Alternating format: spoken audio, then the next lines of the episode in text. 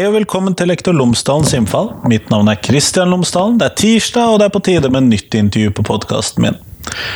Denne uken så snakker jeg med Per Ødegård. Han er eh, lærerutdanner, han er lærer og pensjonist. eh, Og har, matematikk har da vært hans fag. Han har annet skrevet boken 'Kan vi dele tall slik vi deler epler'. Eh, Han har også vært med på rapporten 'Matematikk for alle', men alle behøver ikke å kunne alt. Eh, Vi skal snakke en del om eh, matematikkfaget, om forandringene som har skjedd, eller vil si mangelen på forandringer som har skjedd i løpet av de siste 50-100 årene. Vi skal snakke om den skjulte læreplanen, vi skal snakke om eksamens påvirkning på eh, hva som jobbes med i timene, og vi skal snakke om hva faget kunne ha vært hvis han fikk viljen sin. Eh, vi skal snakke om hvordan man kan lage oppgaver som er mer relevante for elevene, særlig for de flinke elevene. Men her får du intervjuet, vær så god.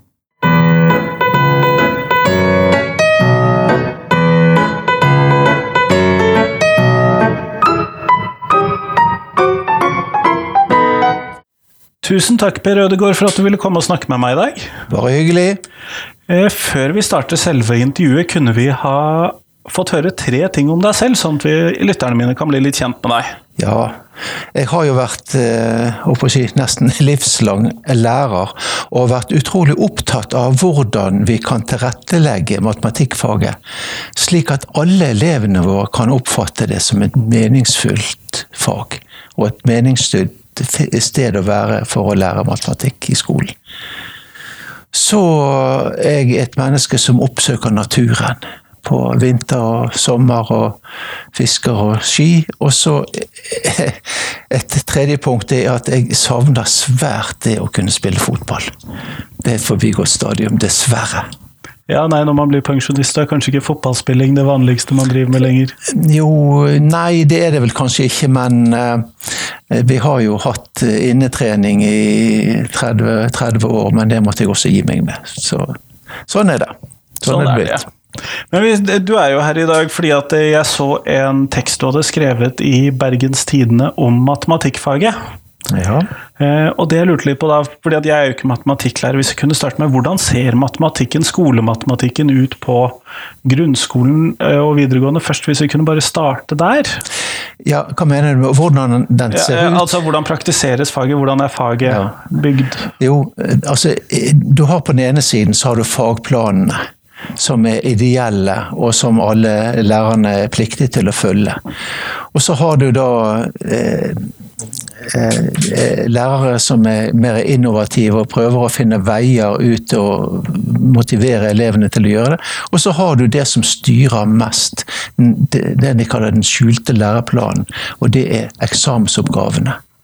Ja, For det er jo den vi egentlig legger opp undervisningen Det er, til. den, det, er det som er, blir den reelle læreplanen.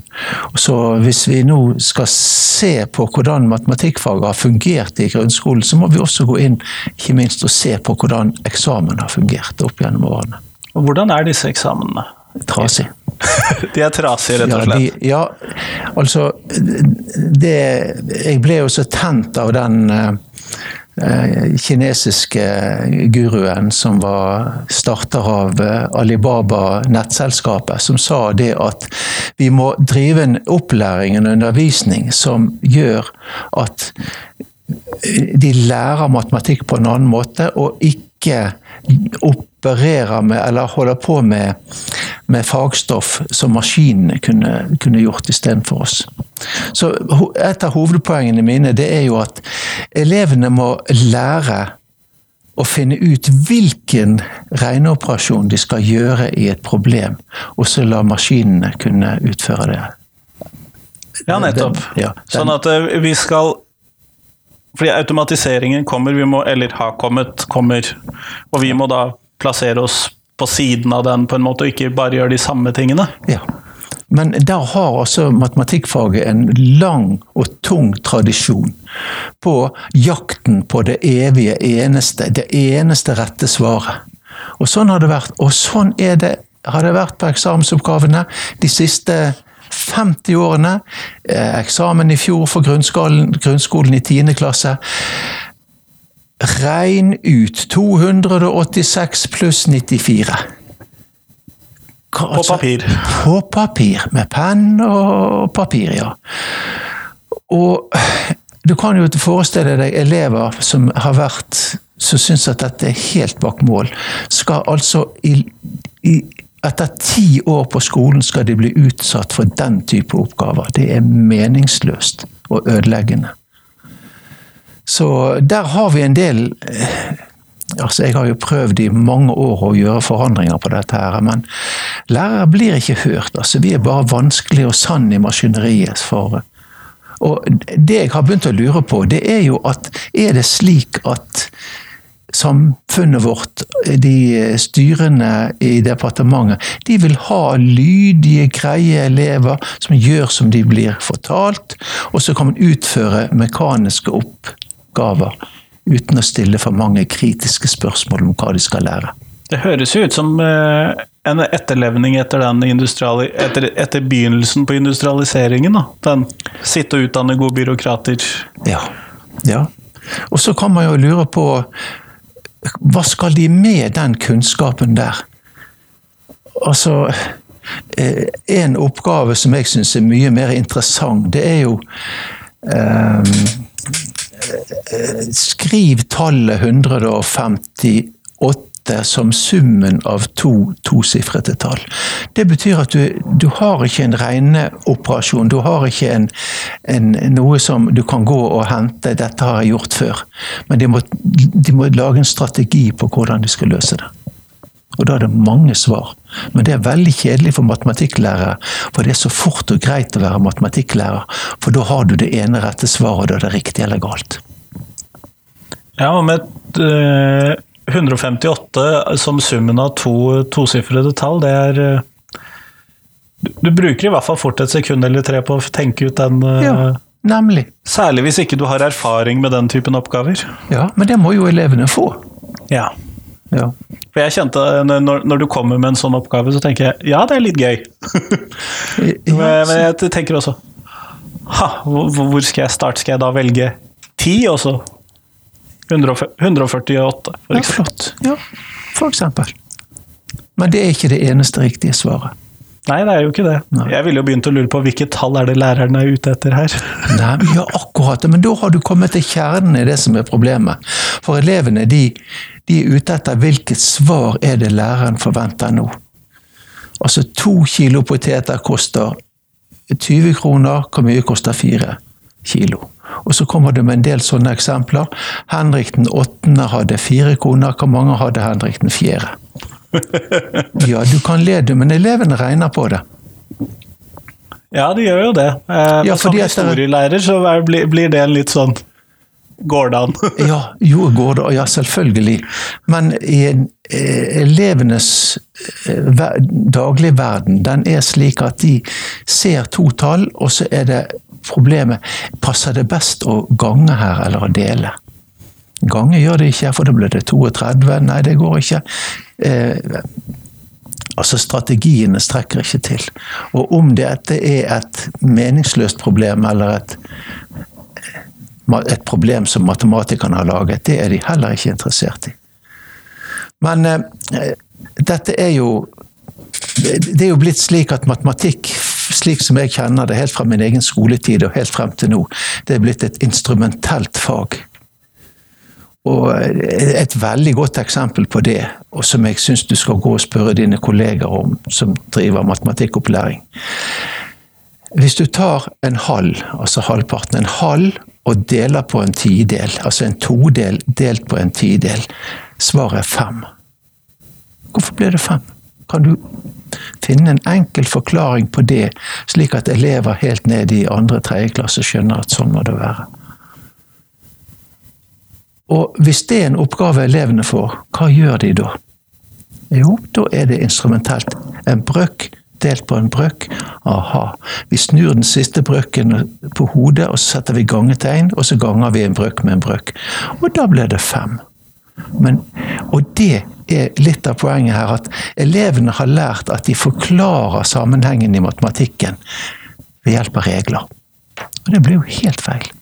Men du kan spørre om de kan gi en forklaring på hvorfor en todel delt på en tidel blir, litt, blir lik fem.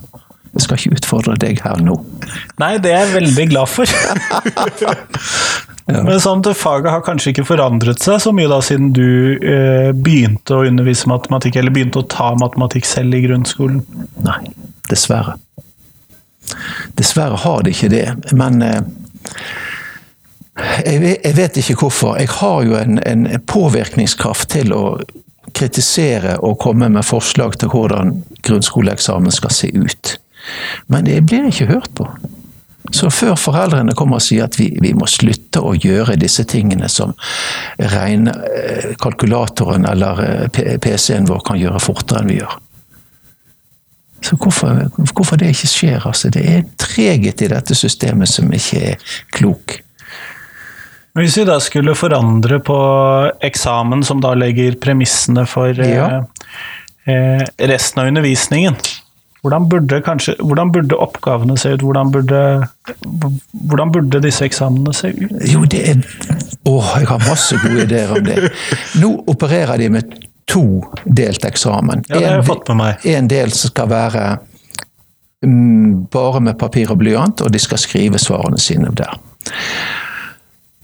Eh, den delen burde vært blitt en eh, IKT-basert sak, hvor elevene skal sette kryss ved det riktige svaret. Dvs. Si at de skal gjøre overslag over eh, De får fire muligheter, så de skal svare på et problem.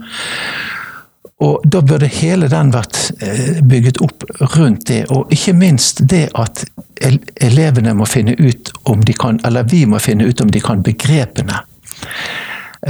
de skal, hvilke av disse elementene er ikke kjegler, f.eks.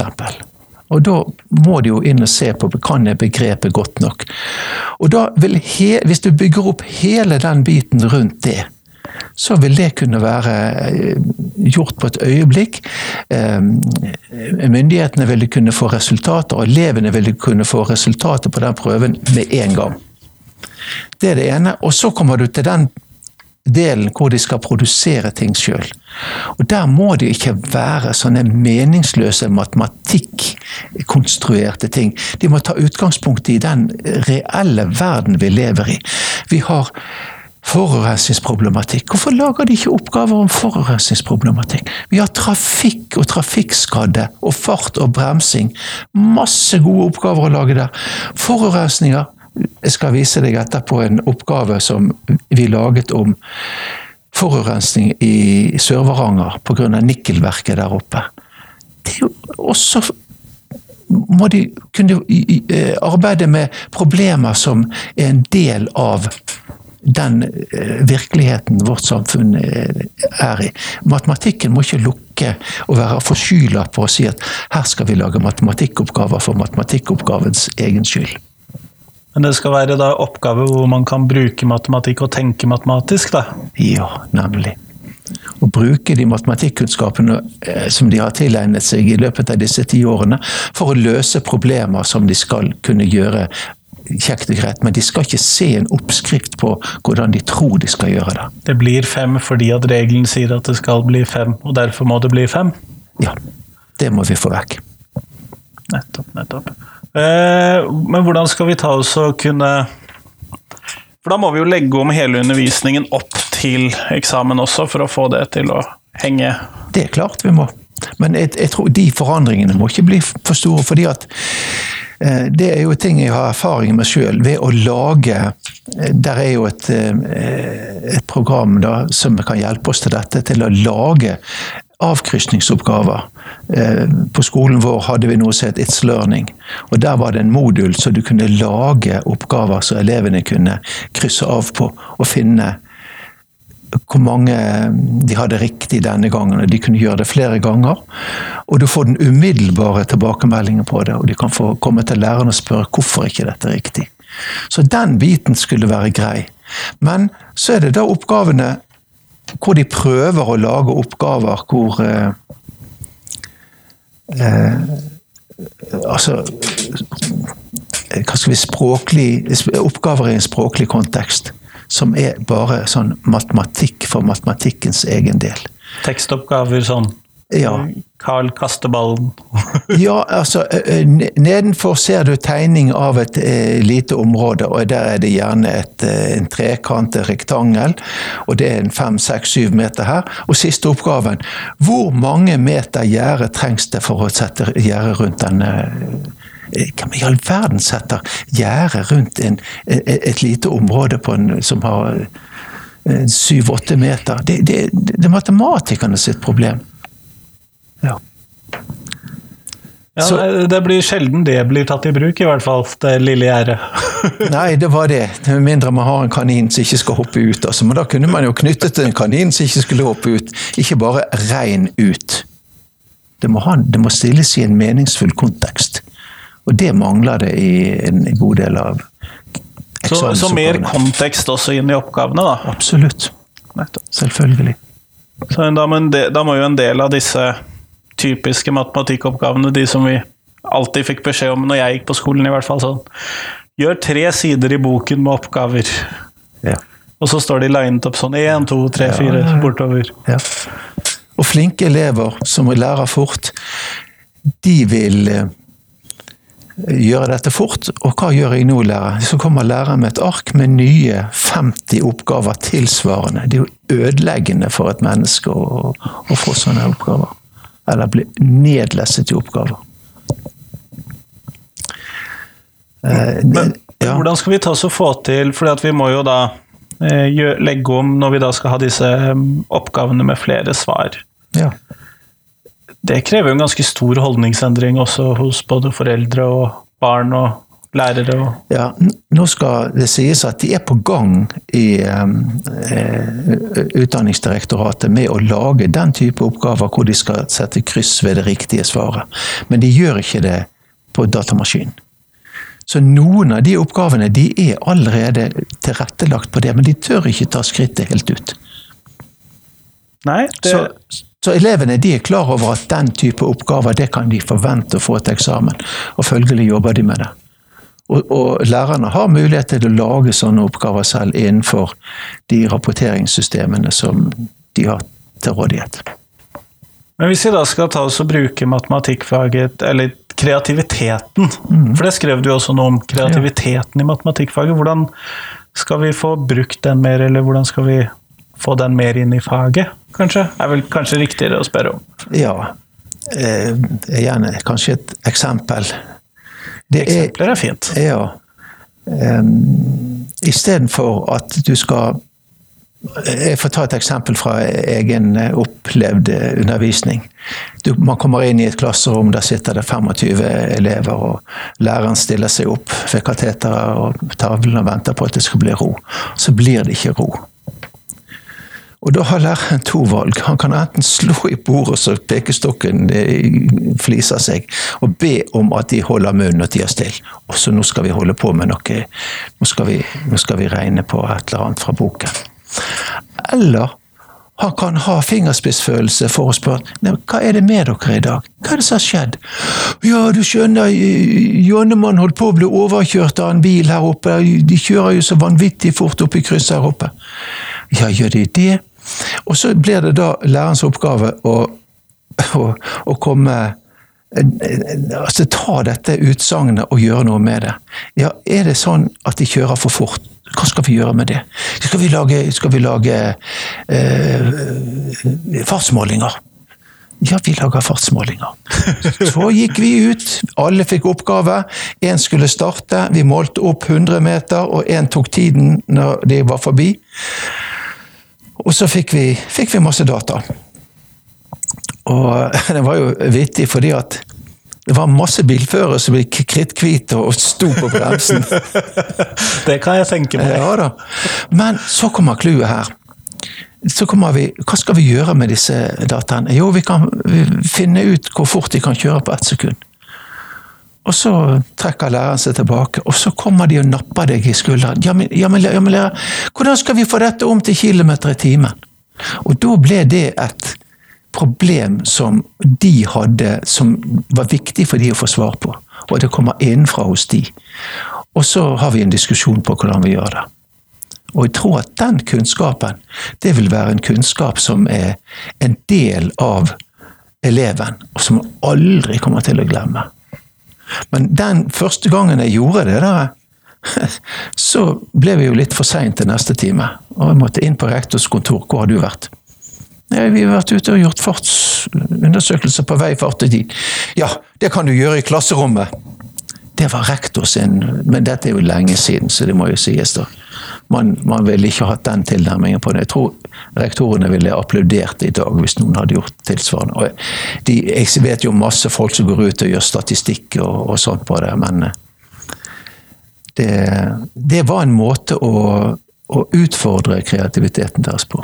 Og det kan du også lage oppgaver på med det gylne snitt og få inn eh, kunst og sånt i, i, i, opplæringen og undervisningen, og også i, i eksamensoppgavene.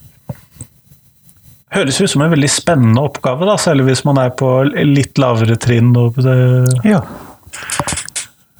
Endelig forstår farten oppi det hele, og tidels sekunder og sekunder. Ja, og, ja. Og, og, da følge opp denne siden, det har vi gjort med det eksamensarbeidet jeg har gjort. Det er litt på siden, da. Jeg kan si litt om det seinere. Men eh, det å, å finne ut bremselengder og så gitt opp formler, slik at de ser at formlene er en del av det som er nødvendig for at vi skal forstå hvordan vi skal kjøre. Det blir ikke meningsløse formler som Nemlig. bare er der? For formelenes skyld, ja. ja. Helt riktig. Men du hadde en annen oppgave om forurensning òg, hadde du det? Ja. Og det ja, Nå skulle de jo sett den, da, men Vi kan ta bilde av den, så kan jeg legge den ut etterpå. Ja, gjør det. Alle tiders. Eh, da må jeg si litt om Var ikke det her han var, da? Jo. Eh, jeg eh, Det er masse tilfeldigheter her i livet, men jeg kom kom, eh, jeg ble spurt om å være med og lage eh, eksamensoppgaver for voksne som skal ta grunnskoleeksamen for, for lenge siden. Og på bakgrunn av mange andre historier så sa jeg ja, det kan jeg være med hvis jeg får lov å være leder for den gruppen. Ja, nei, det var greit. Og da drev vi og laget oppgaver som har nettopp med det å gjøre. Og en sånn oppgave, bare for å lese opp teksten, da de russiske byene Nikel og Zapoljani har smelteverk som forurenser Sør-Varanger i Finnmark. En person påsto dette. Nedfallet over Sør-Varanger fra disse smelteverkene er ca. fire ganger større enn nedfallet fra norske utslipp over Norge.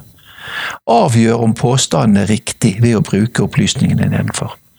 Altså, der må de gå inn i i faget og opplysningene og finne ut hvordan de skal gjøre det. Her er ingen oppskrift. Her må de regne på egen hånd. På egen. Og så har vi da selvfølgelig laget Eller vi var jo oppe og tok bilder sjøl, da. Hvordan ser det ut på grensen mellom Norge og Sør-Varanger? Ja, det der var jo et relativt deprimerende bilde. Ja, men det er jo deprimerende der oppe. Og her er et bilde av smelteverket i Nikkel, så, som du kan se fra grensen mellom Norge og, og Russland. Og det skremmende her var jo at røyken fra, fra smelteverket Det kom mer røyk ut fra vinduene enn det gjorde fra pipen. Dette, det, det, er jo dette folk må forholde seg til. Det er jo dette som blir viktig for vårt samfunn videre. Å finne svar på sånne spørsmål.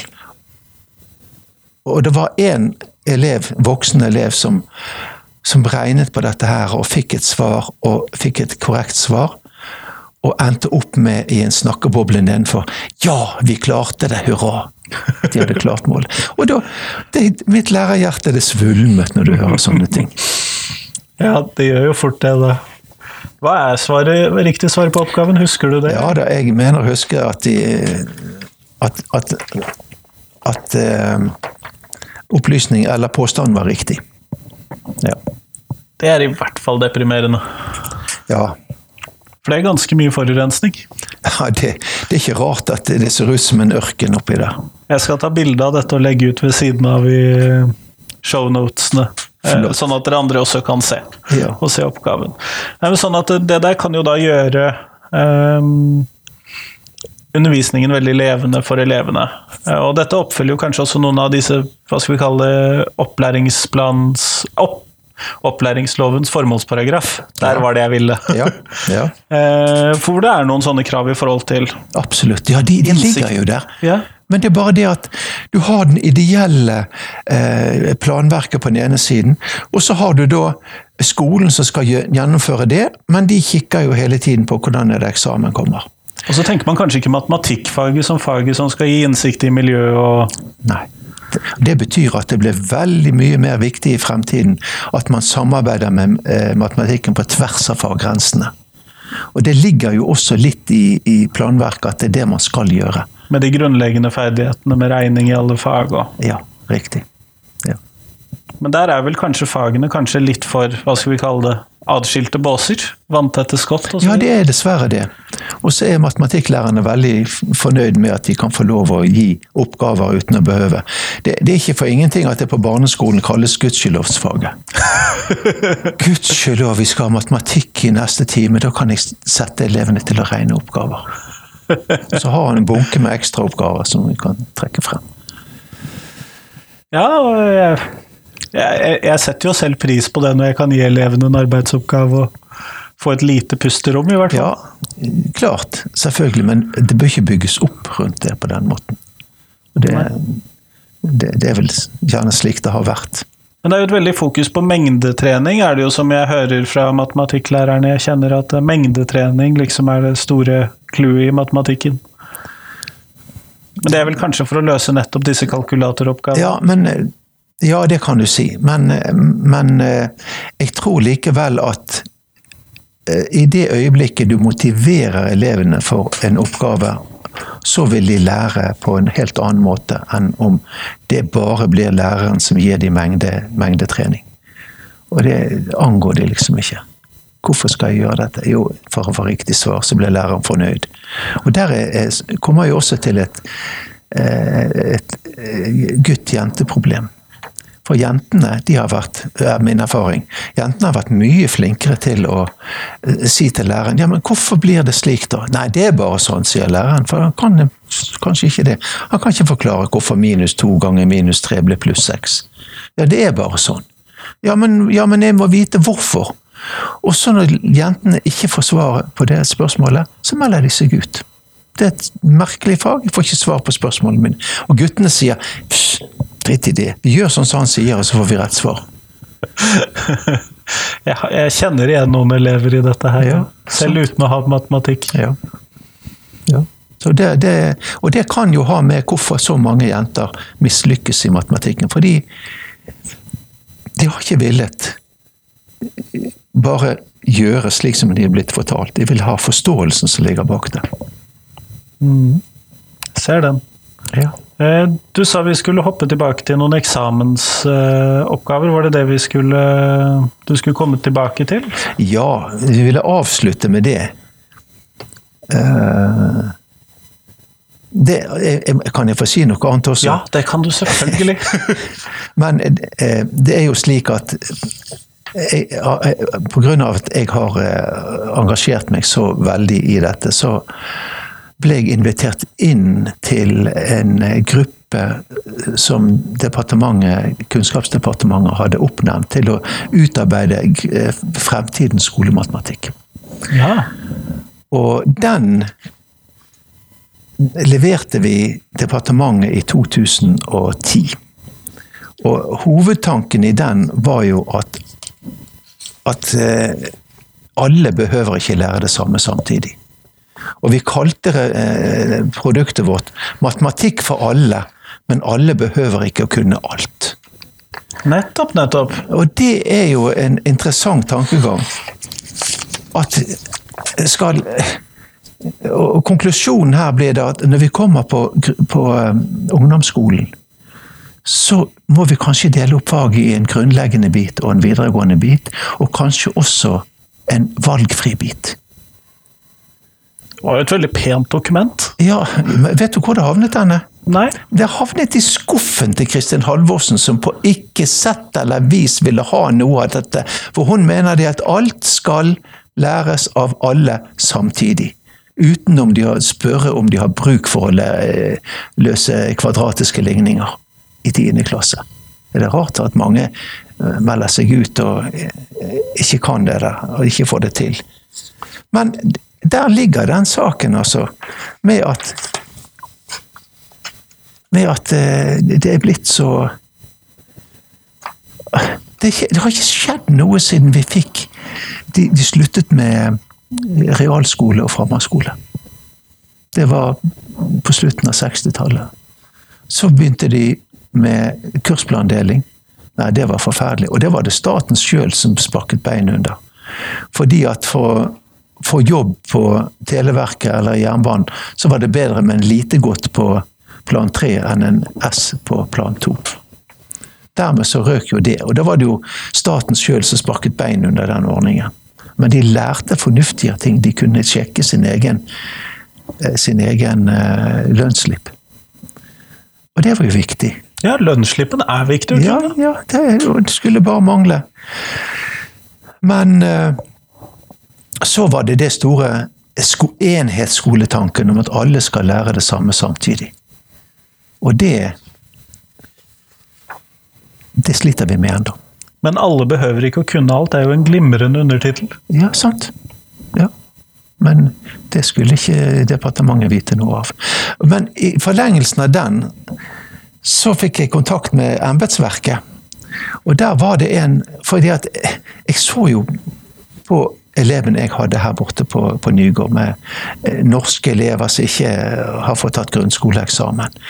Kunne ikke vi få delt det faget i to, slik at vi hadde en grunnleggende bit, og så en bit for de som hadde tenkt å gå videre.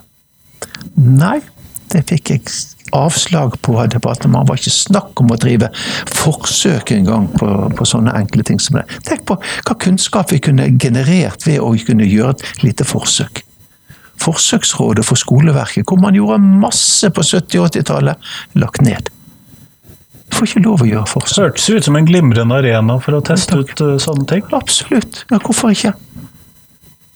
Så, og der står vi og stamper i blautmyra. Tror jeg skal legge ut et bilde av denne, dette idédokumentet også. Det var jo vakkert arbeid. Ja, sant. Det var jo det. Vi var jo veldig fornøyd med det. Men altså Vi fikk jo ikke tilbakemelding på det. Den gikk rett i skuffen. Og det, jeg har jo tenkt å skrive til eh, både han eh, ja, nå, Vi har fått Sanner da, som ny eh, minister for dette. Han er vant til å lese rapporter, da, i hvert fall. Ja, men han har vel ligget der nå i åtte år og støvet ned. Eller kanskje hun har hivet ham, for, for den eh, kastet han, for det vi vet.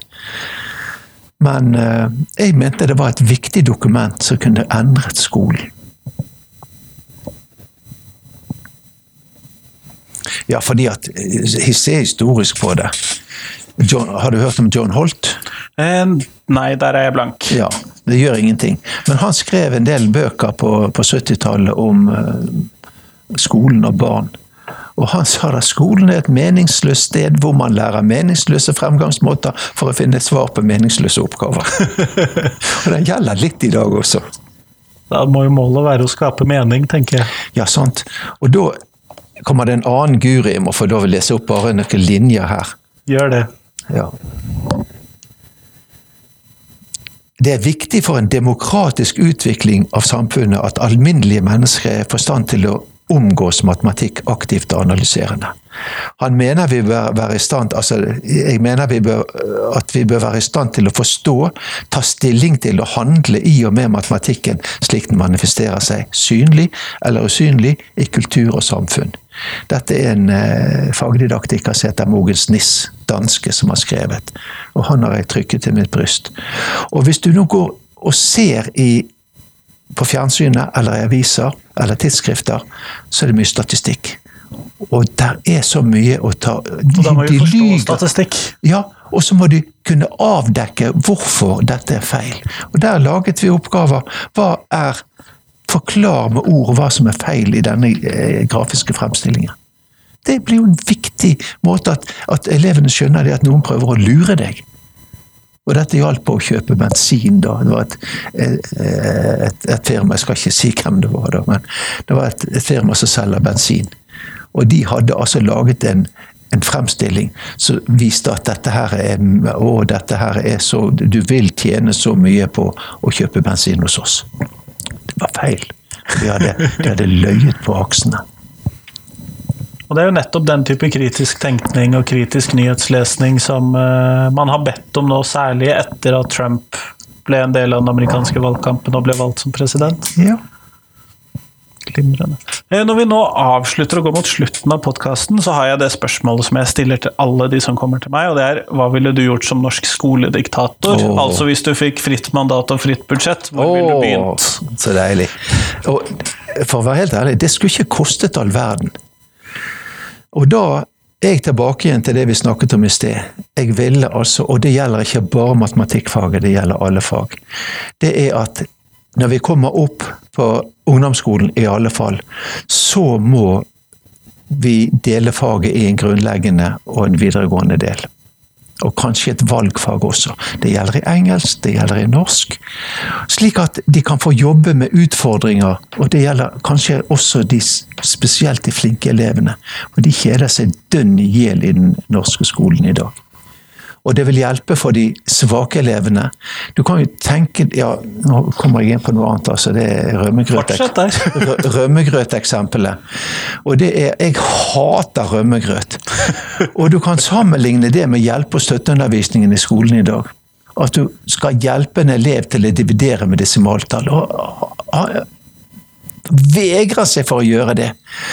Og hvis jeg hadde som er rømmegrøthater. Ja, men se her, nå skal vi sukre litt, grann, ta på litt annet. Og så får du litt mindre porsjoner. Det vil si at du skal lære tingene om bare du får forandret litt på det, så skal vi nok lære det. Tenk på alle de millionene som er blitt kastet bort på hjelpe- og støtteundervisning som ikke har funksjon og, og nytte i det hele tatt. Og jeg kommer aldri til å spise rømmegrøt om jeg hadde fått det aldri så godt dandert. Ja, så Hovedtanken min skal ikke koste mye. Det koster en del forandringer på eh, hvordan vi skal tilrettelegge eksamen. Ingen problem, det er masse gode folk som kan gjøre det. Men det må en grunnleggende endring i hvordan vi organiserer fagene. Og det er alle fagene. Og alle trenger ikke lære det samme samtidig.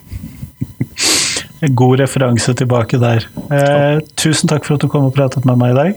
Det var hyggelig. Jeg føler jeg gikk litt varm her nå.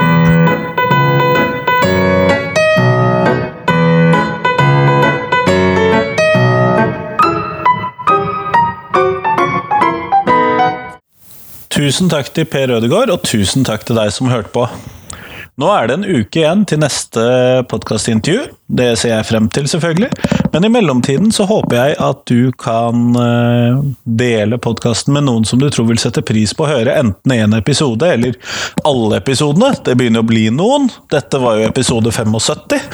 Eh, Det er noen timer med Lektor Lomsdalens innfall der ute nå. Eh, Så del gjerne podkasten med noen. Eh, Lik gjerne podkasten, skriv gjerne et review på iTunes. Eh, Hjelp meg å få podkasten ut til andre. Send meg gjerne et tips også hvis du har noen du har lyst til at jeg skal intervjue. Ha en god uke videre!